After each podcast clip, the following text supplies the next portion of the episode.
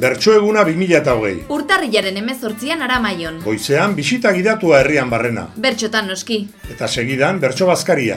Txartelak bertsosarrerak.eu satarian. Urtarrilak emezortzi, gorde eguna. Informazioa bertsozale.eu satarian. Bilboiria irratiaren laguntzarekin.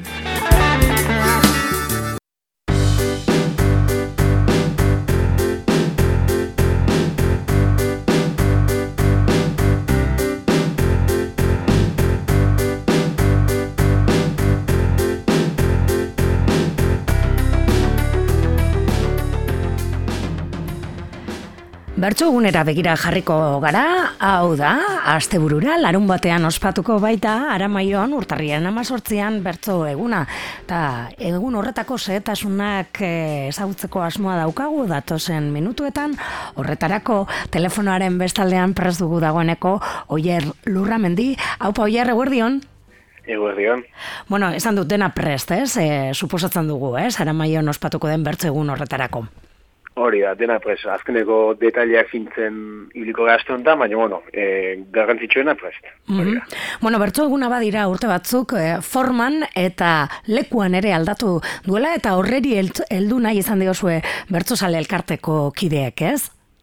Hori da, azkenan ertxegunak, e, bueno, historia handia duen arren, hau berroita maikagarren edizio izango da, eta bueno, urte guztiegotan zehar, e, izara ezberdineko ekitaldiak egin dira, baina, bueno, ibilbidea, oza, e, bertxegun ibiltaria egitea erabaki zenetik, mm -hmm. izango du irugarren urtea. Eh? Irugarren urtea da, ja da, ez? Hori da. Haugenekoa mungian, mm. bigarrena barainen eta irugarren hau, ba... Araban izango da, na, aramaion. Hori da, hori da. Bueno, urte luzez, eh, donostian izan zen, ez? Eh, bertso eh, zale entzako basita importanteena, ez? Importante hori, ez?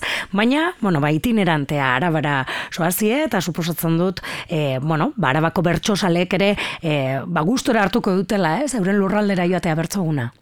Hori da, noski, ba, azkenean e, luzetan zehar, esan zen dudan, do, donostiko irira lotuta egon zen e, e, ebertxoguna, eta, bueno, ba, endela iru urte erabitzen, ba, da, pixkat, e, Euskal Herri osoko ikuspegia e, ematea, eta gerozkitikan, eta urren urteetan, ba, ikusten da, ba, herrialde, herrialde, eta herri, herri ibiliko den, bertxogun bat antolatzea. Mm Bueno, dana prez, sarrerek ere entzulea, bueno, ba, e, nahi izan ezkero, badira e, salgai, e, bueno, e, bertxo salen e, webunean, hortxe topatuko e, dituzte bat txartelak. Egin dezagun, oier, errepasua, e, aramaiako bertxo egunerako antolatu duzuena, aurtengo bertxo egunerako. Eguerdi eta arratzaldean izango baitira ekitaldiak, ez? E, bertxo baskari desente egongo dira, konta iguzu?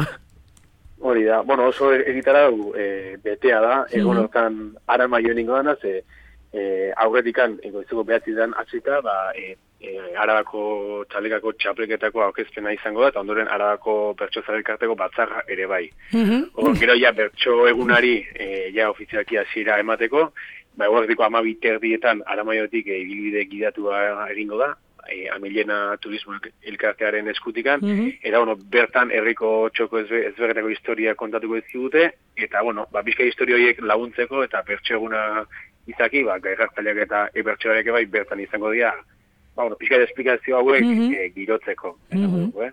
Horban, guitzen zer, ba, hori, erredikan zer izango da ibilbidea, eta behin hau bukatuta, ba, bazkarien txanda etorriko da. Aipatu bezala. Hori da. Aipatu bezala Baskarien txanda, ez? Baskari bakarra izango eta.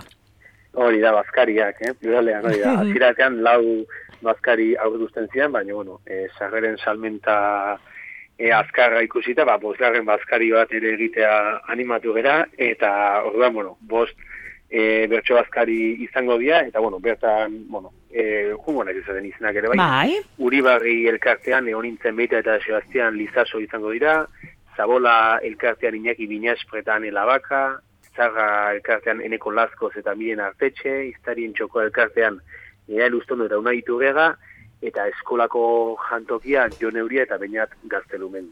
E, eta besteak beste, ba, entzude kopurua berrunda juro gehi, badaude entzat zarrera erosi dutenak.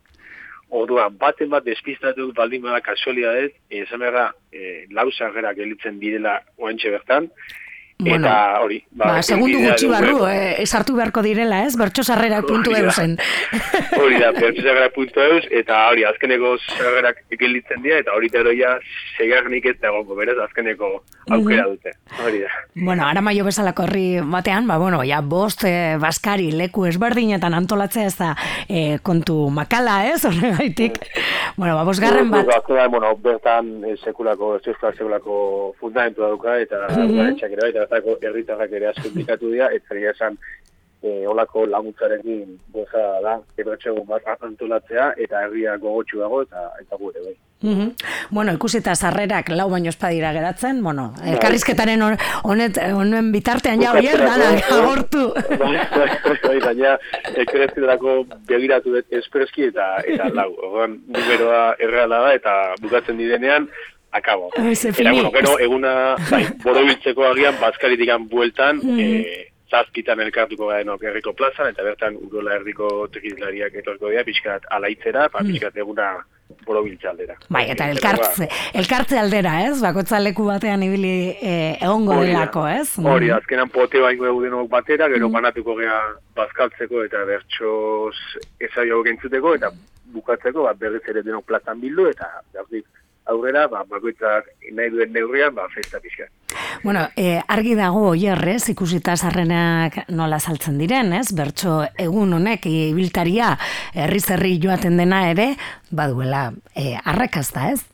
Badu, arrakazta, azkenan bertso zalen agendan edagoen e, egun bada, ebertso mm. eguna, eta orteko arezta gutxiago izan, eta esan da, ba, sarren salmenta ikusita eta jendearen gogoa ikusita, ba, e, badirudi egun potente aterako dela, eta bintzat augarikan egiten dugun ebalorazio hori ere, eta gokionez pa, e, paregabe izan da. Mm -hmm. Bueno, itxura polita du. Baina ber, eguraldiak launduko te digun, edo ez, de apostuak tartean, ez ikusik ego. Mm, bueno, hortan ere guk ezin asmatu, eh? ez dakigu eskara adituak ere ez, eta...